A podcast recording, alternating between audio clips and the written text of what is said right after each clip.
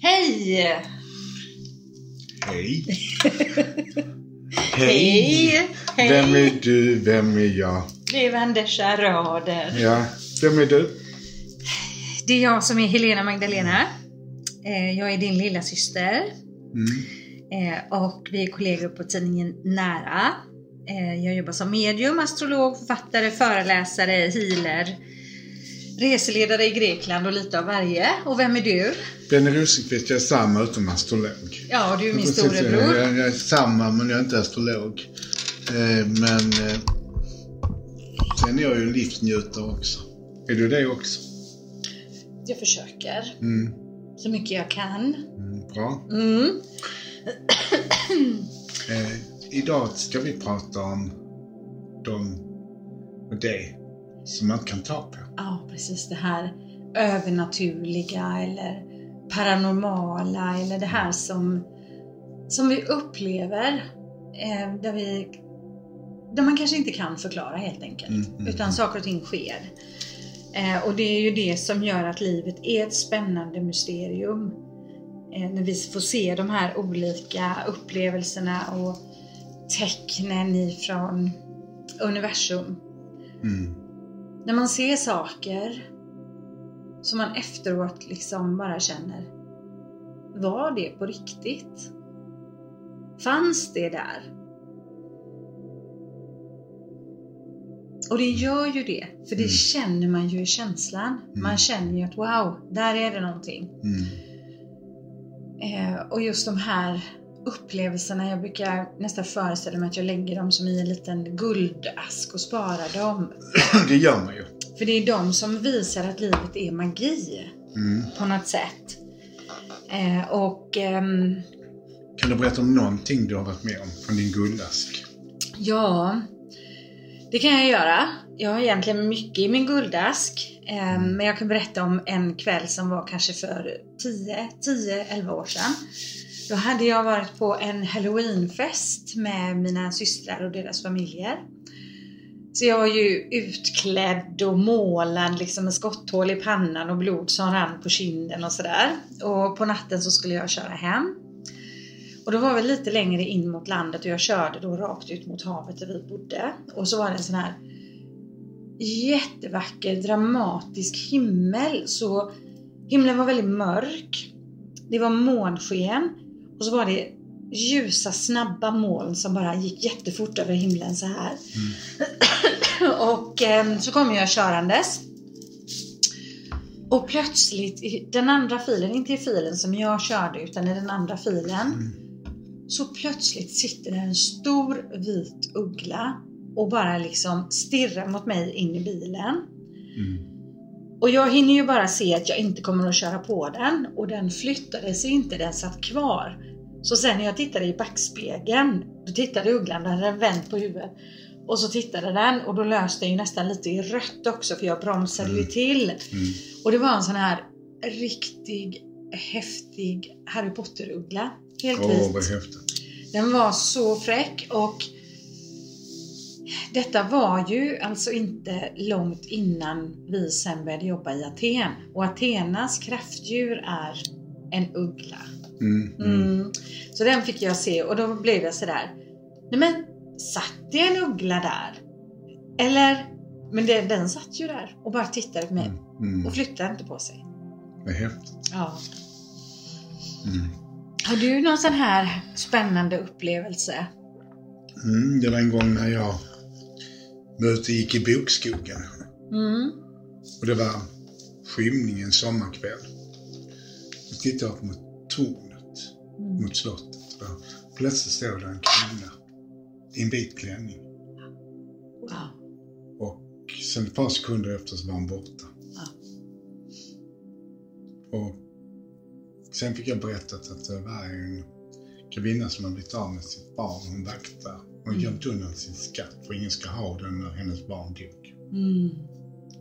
Han ska ha drunknat. Mm. Mm. Så att eh, det fick jag reda på senare. Men det var, det var häftigt. Sen har jag varit med om en gång när jag var 13 år att vi kom, jag och en kompis, när vi bodde nere vid Jägersro. Mm. en damm så plötsligt såg vi ett UFO som stod helt still. I färgerna så var det precis och sen bara försvinner det bort. Mm. Så man tänkte, har jag upplevt det eller har jag inte upplevt det? Mm. Men det hade jag ju gjort. Ja, ja vad häftigt. Mm. Mm. När jag var liten så var jag väldigt rädd att det skulle komma ett blått UFO och hämta mig. Mm. Jag minns inte att jag har sett det, men antagligen så har jag det. Men jag såg ibland i våran trädgård ehm, också som en ehm, som en vit ljusvarelse på något sätt. Vi, vi, eh, alla vi sov på övervåningen i våran villa och så hade vi toaletten på nedervåningen. Så just när man gick där i trappan då kunde jag se ut. Eh, och jag tyckte det var jätteläskigt. Men det var som att hon, hon bara gled liksom upp för slänten. Hon gick inte med steg så. Mm. Sen ibland så har jag sett människor och så plötsligt så är de bara borta. Mm, det har jag också gjort. Att man ser dem. Och jag ser dem ofta här när jag kör bilen på ett ställe. Det är precis som någon har blivit påkörd där. Och så Mm. tänker jag, där stod någon. Och så är det ingen. Nej. Samma ställe också nästan var dag. Så ser jag någon där precis i en refug. När jag kör mot Hylje. Alltså det är jätte... Ja. Nu har jag inte sett henne på kanske en vecka men det är en kvinna och jag skulle vilja undersöka om hon verkligen har blivit påkörd där eller inte. För jag ser henne och det är ett par sekunder är hon borta. Mm. Mm. Ja, Jag har också sett människor som känns jättetydliga som att de Mm. verkligen står där. Mm. Och så plötsligt så är de bara, bara borta liksom. Mm. Eh, Och jag vet en kväll, detta är jättemånga år sedan, 20-25 år sedan kanske. Ja, någonting där. Och då bodde jag ju i Småland på den tiden och då är man van att köra de här Smålandsskogarna. De är ju liksom stora och höga och djupa och sådär. Mm. Och vi hade varit på en medial kväll hemma hos en nära vän till oss som hette Maria Silén Mm. på ett ställe Ingatorp och så skulle jag köra sen över de här små skogs, skogsvägarna liksom hem då där vi bodde. Mm. Och jag fick så mycket syner den resan hem. Så att jag, liksom, jag började fundera på, håller jag på att somna här i bilen? För det var så många olika figurer som visade sig, om du tänker dig som eh, stubbar som blev levandes och det var som att jag såg harar och älgar och rådjur. De var inte där fast jag såg dem ändå. Mm. Mm. Eh, och mm, hela den resan hem, så jag bara skickade ljus liksom framför bilen för jag kände att ni måste flytta på er Mm. när jag kommer med bilen. Men det var en sån här jätte, jättemärklig resa och det kanske är, vad kan det vara, tre, tre fyra mil ändå. Mm. Det tyckte jag också var lite läskigt. Vet, jag tycker ju att saker och ting är lite läskigt, ja. Mm. Men det var som att hela skogen hade vaknat till liv den här natten. Och vi, Häftigt. ja, och vi hade väl öppnat upp också jättemycket såklart. Vi Mm. var ett gammalt soldattorp och gjorde meditationer och kundalinikraft. Vi hade massa spännande för oss. Mm. Eh, och en annan gång så var jag på väg mot jobbet. Detta är inte så länge sedan. Tio år sedan. Allt är ju länge sedan då tydligen. Mm. Mm. och kör på vägen in mot Göteborg längs med hamnen där, där Stenabåtarna ligger. Och pratar med min kompis. Och så ser jag ett stort eldklot bara liksom framför mig. Lite längre bort över stan. Så jag ser det här stora eldklotet och så ser jag hur det bara går ner över stan. Så jag tänkte, men gud, en meteorit eller det måste ju vara någonting. Så jag kör dit jag ska och så parkerar jag och så går jag in på kontoret och så går jag in då på Göteborgs-Posten och GT då, Göteborgstidningen. Det fanns ju inget skrivet om det. Nej. Det var ju ingen som hade sett. Nej. Men jag såg det ju. Mm. Som, ett, som en stor boll av energi som bara så Ja. här. Mm. Märkligt. Mycket märkligt. Mm. Jag tror många har varit med om saker som man inte tänkt att det är så. Liksom. Jag tror du kanske också tänkt, såg jag verkligen någonting? Man ser det i ögonbrynen. Och så ibland så kan det vara i dofter. Man Mm. känner, doftar jag verkligen detta? Eller, det gör man ju. Mm. Så att de använder ju de sinnena som vi är mest utvecklade i Mm. andevärlden. Men vissa har ju pratat och många har sagt det att de känner precis vid dödsögonblicket. En släkting så det visade sig att den har gått bort precis vid det Mm. klockslaget. Ja, precis. De visar sig för oss. Mm. Och sen finns det många som har sett så och sätter sig ner i sängen, att de sätter sig bredvid dem Mm. och de blir skiträdda. Mm. Mm. Och jag är inte rädd för den världen, jag är mer rädd för levande människor. Mm, precis. Men jag Mm. hade ju en kvinna här som alla fick förnimmelse om. Hon var ju så som visade sig kort. Mm. Hon var speciellt i mitt gästrum och så visade hon polskan som jag kallar Mm. det för. Hon smällde även i kylen här så att smäll- rångade om det alltså. Mm. Och min för detta som eh, då var muslim, han bad för han hade sett henne han var skiträdd för henne. Ja. Och annars bad han inte så mycket, men då gjorde han det. Och hon eh, sprang, hade uppsatt hår och var blond Mm. och hade papegojor. Mm. Så här kunde det vara ett helt kafferep när det var förvår, sommar. Mm. När solen gick upp. Så tänkte jag, vad är det för någon som sitter och pratar så högt och ljudligt? Mm. Fick jag reda på att hon hade haft papegojor, fem stycken, Mm. i köket, i mitt kök. I ditt kök, ja. Ja, så det var kafferepet då med papegojorna. Ja, precis. Mm. Ja, och det är ju lite så här. Vi har ju en spelman där jag bor. Han rör sig ju inte bara i min lägenhet. eh, Utan rör sig emellan. Han har varit där länge. Eh, Han tillhör platsen på något sätt. Men han har väldigt, väldigt positiva energier. Så skulle jag ha event en kväll. Och då kom det flera som är medium. Så de kommer in och så hälsar de på mig i hallen. Liksom, hej hej. Och så går de ett steg till och så hälsar de på honom. För han stod ju där bredvid. Hej hej. Och jag bara ser ni honom? Ja, ja han står ju där. Han blev jätte, jätteglad så berättade min granne och goda vän Karin, hon bor i samma hus som oss. Mm. Eh, och vårt hus är ju ett vinkelhus, då, vårt Mm. lägenhetshus. Mm. Så att de ser egentligen in till mig eh, från sin balkong. Och så var det en period när jag och Jörgen inte var i lägenheten. Och då umgicks inte jag och Karin och Bill så mycket. Eller vi hade liksom inte börjat umgås med dem. Vi visste vilka vi var men inte mer. Mm. Nej.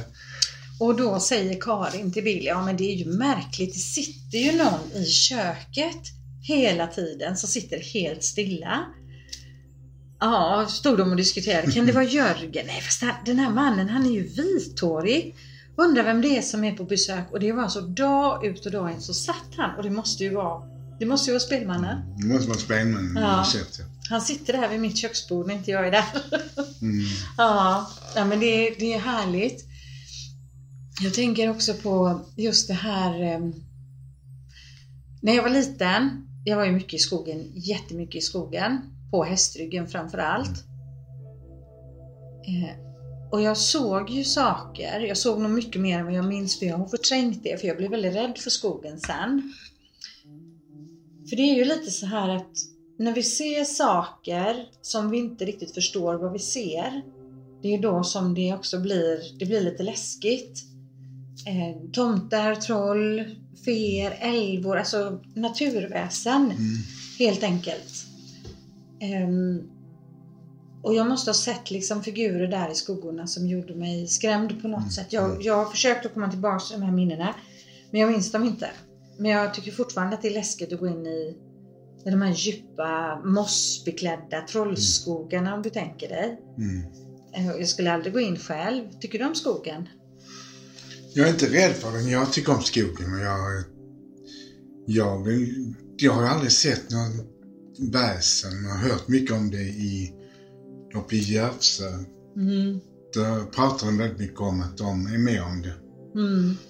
Troll och pack, de säger, hygg som de kallar det för. Alltså, Mm. de har ju mycket hur man ska göra och inte göra. Man ska inte slå vatten på trappan och sådana saker. Nej, precis. Då kan man skada dem varmt vatten och sådär. Så Mm. det är mycket regler som finns just mot småfolket. Mm. Men jag bodde ju på Munkgatan Mm. och där har de byggt det ovanför ett munkkloster och där sprang ju munkarna och de har gjort en sån precis som en munktrappa. Mm. Och bredvid mig så berättade en dam som hade amputerad att hennes kranar satte igång. Mm. Då ringde hon till personalen på hemtjänsten som också var på bottenvåningen. De kom upp. Du får inte öppna kranarna. Du kan inte hålla på. Vi kan inte springa här och stänga kranarna. Tittar hon på benen. Hur ska jag komma upp? Mm. Hur ska jag komma upp och öppna kranarna? Och eh, han, eh, en av dem var en präst och han var inte trevlig. Han gick in i mig en gång och då började jag prata med en annan röst. Mm. Och då blev jag som ett transmedium. Trans, ja, Och då eh, såg min på dåvarande pojkvän Mm. hur jag förändras i ögon och blick Mm. och mimik. Och detta kommer jag inte ihåg alls själv. Nej.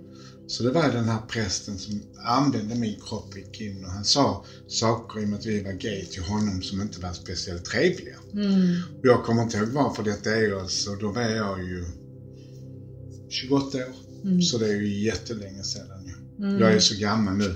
vi, vi är så unga. Mm. Ja, nej, men det är ju det som är lite... ehm, Det är ju det som är på något sätt spännande och intressant just det här med transmedium.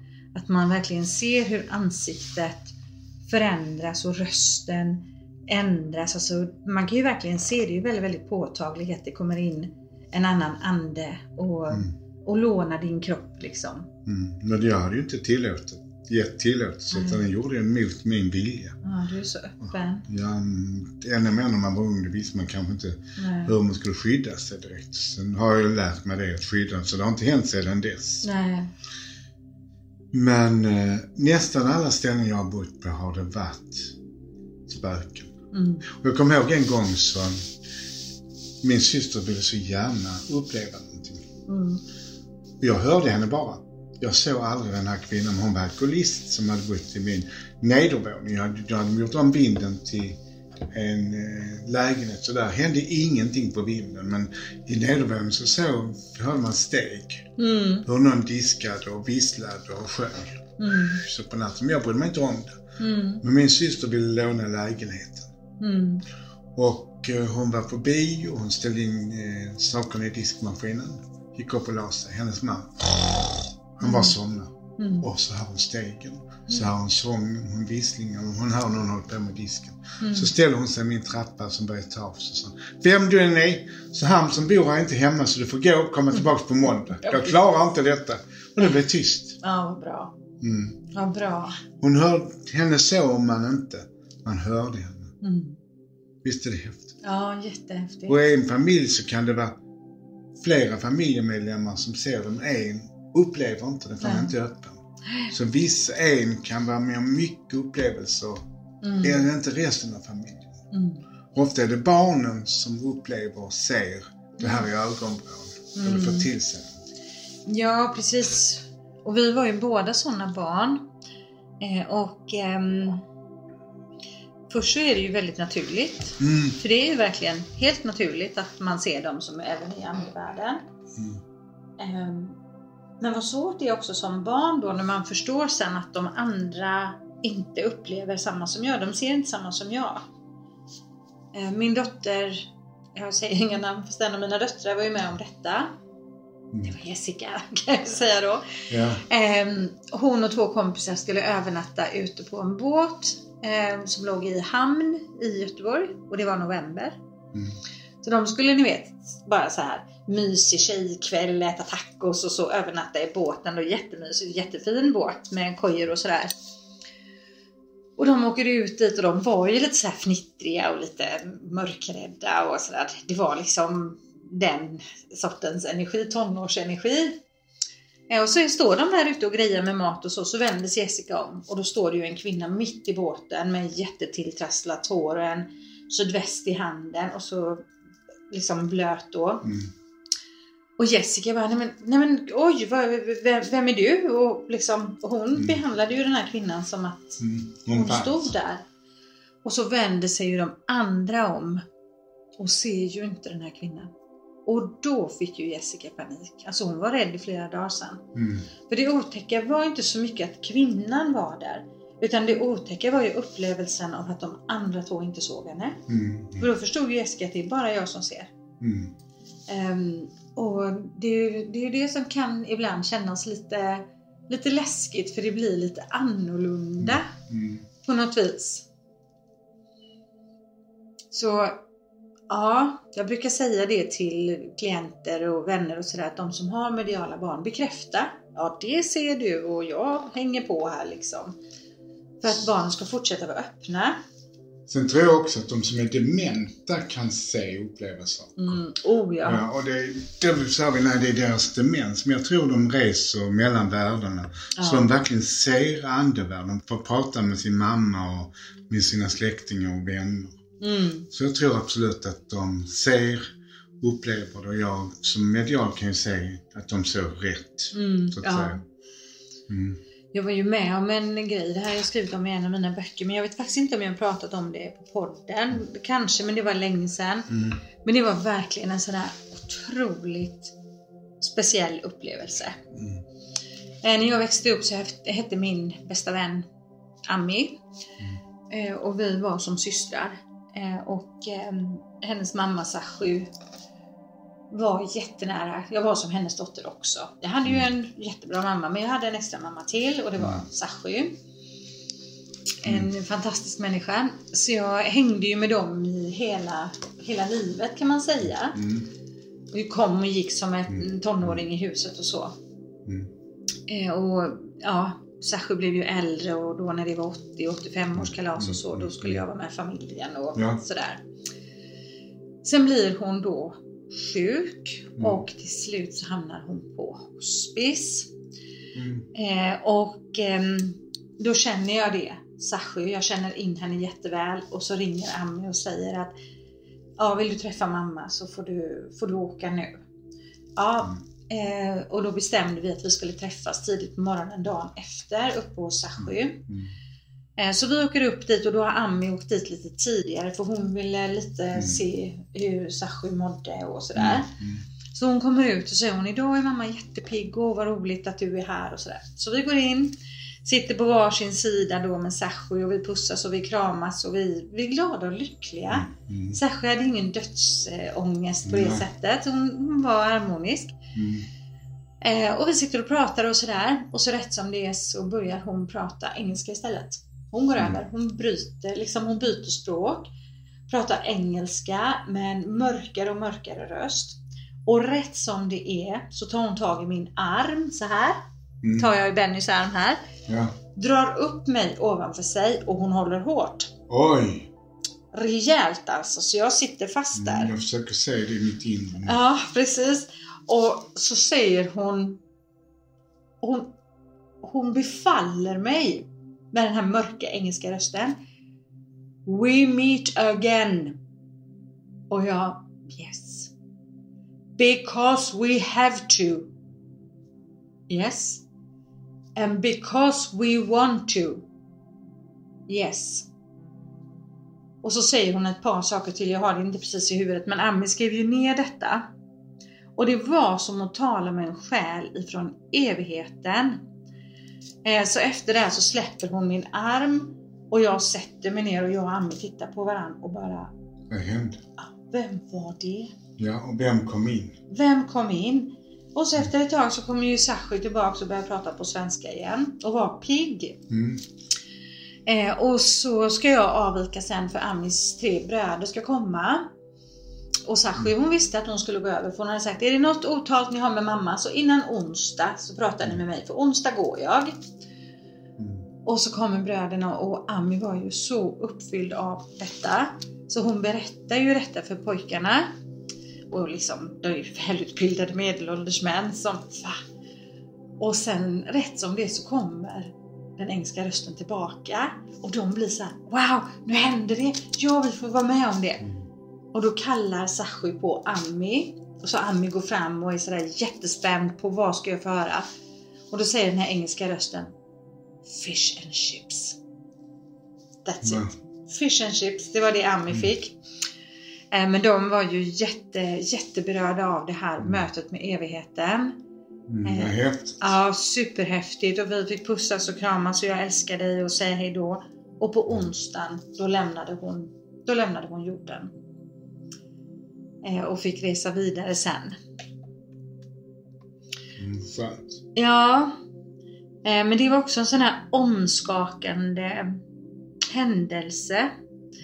Och hon pratade också om andevärlden och hon, hon berättade vad hon såg. Vi har skrivit ner det hon såg för hon var liksom Mm. Hon var över på andra sidan och pratade med oss samtidigt. Och det var även min mormor innan hon gick bort. För hon pratade ju liksom och sådär. Så rätt som det så tittade hon på mig och sa du, jag har varit där nu på andra sidan. Det är helt okej. Mm. Då visste jag, bra, nu är hon trygg, nu kan hon, Nu kan hon, nu kan hon gå. Mm. Jag har en kompis som hade varit på uh, kyrkogården i Höör där hon bor och då hade hon sett en kvinna som hon inte vet. Så hon pratade med henne precis som, är du också här? Och, Mm. och eh, är du här för dina släktingar? Mm. Så hon nickar mest. Och, och eh, vilka blommor har du planterat och sådär och nickade gjorde hon. Sen vände hon sig om och då var hon borta. Då var hon borta. Alltså. Jag Ja. vet inte vem hon var eller var hon kom ifrån, hon ringde ju mig och Ja, frågade vad kan jag ha varit med om? ja, precis. Ja, hon, jag tror den kvinnan som hon såg kanske var hennes grav precis bredvid. Hon kan väl vänta på sina släktingar där. För de är ju där när vi kommer dit och hälsar på. Mm. Detta var alla helgon när hon var där, Mm. någon vecka sedan. Och Hon sa det var, vi, vi pratade och hon var så verklig och det, Ja. jag såg henne som vi såg oss. Och sen så vände man om och då är hon borta. Från ingenstans alltså. Och vi var mitt på den här stora kyrkogården där ingen Nej, är alltså. ingen kan försvinna Man liksom. kan, man kan försvinna på det sättet alltså.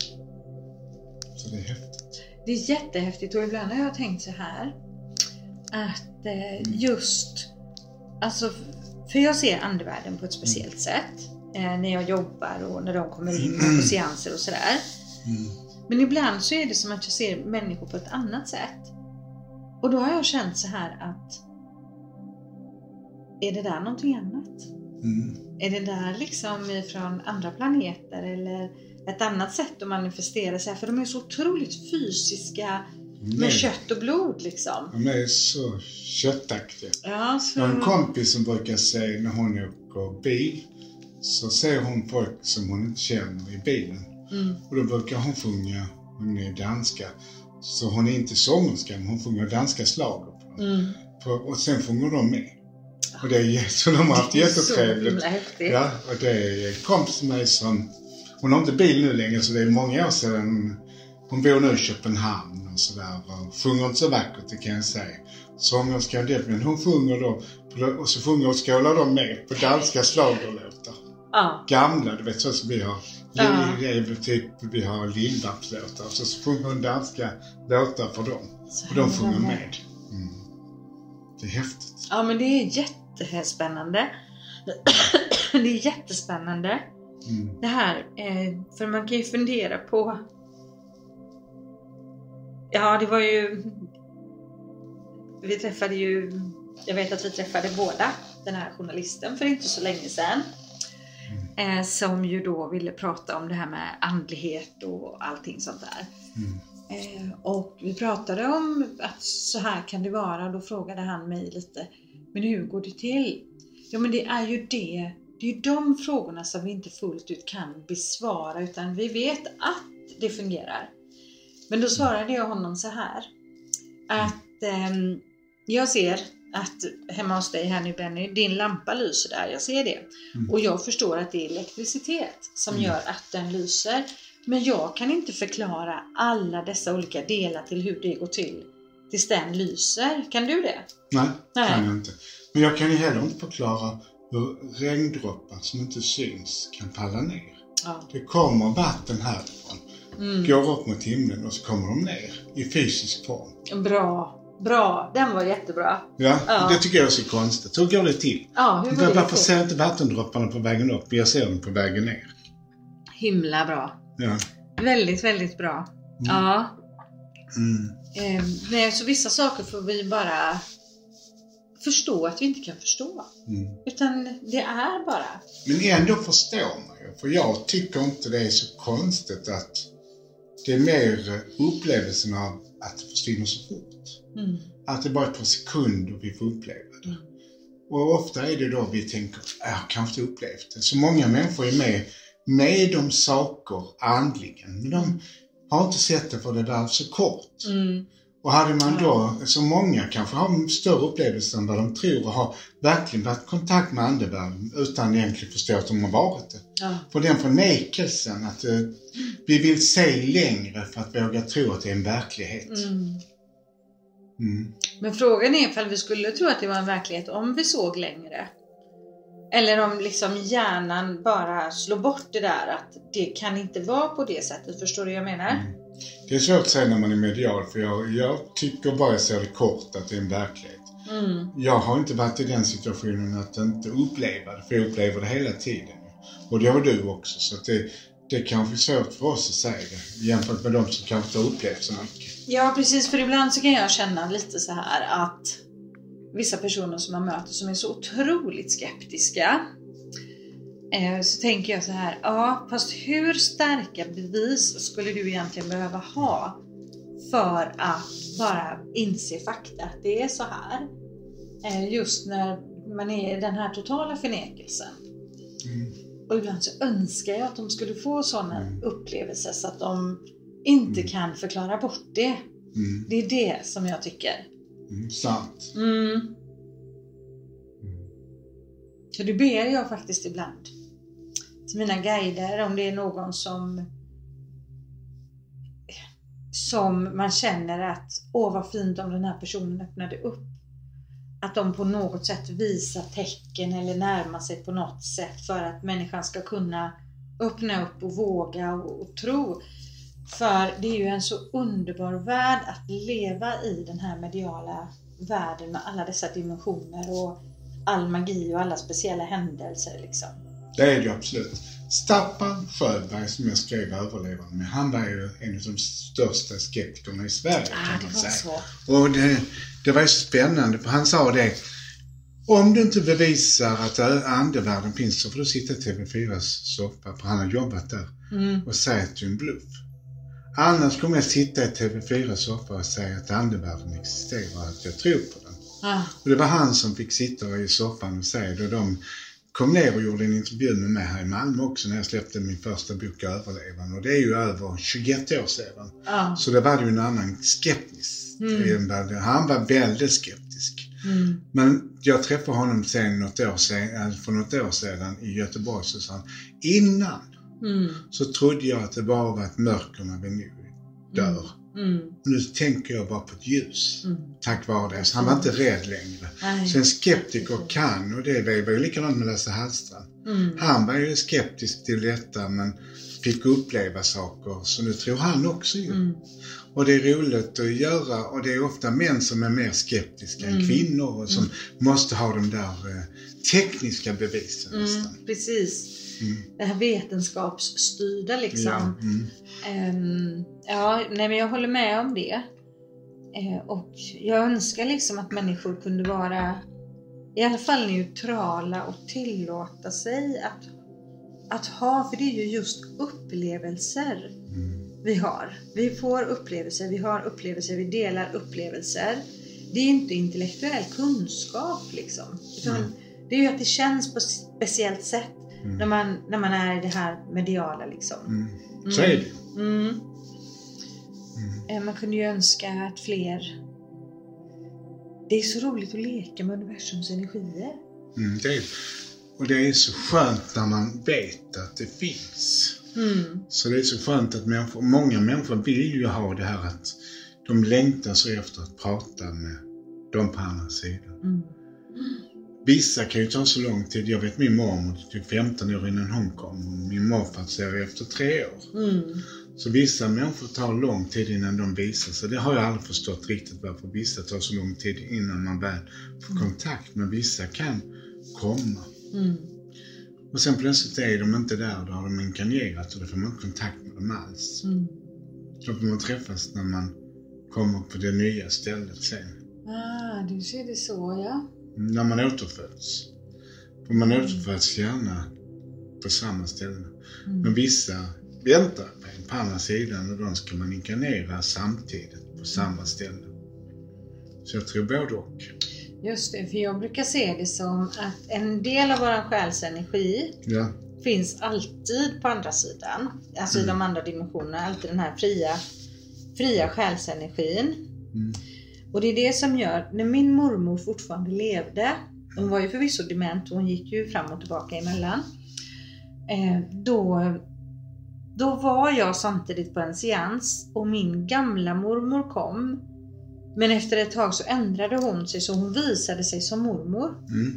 Så hon var på seans fast hon fysiskt fortfarande levde. Mm. Och då, då visade hon tydliga skillnader på min gamla mormor och min mormor. Mm. Så energin var ju på andra Men då sidan. lämnade hon astralt.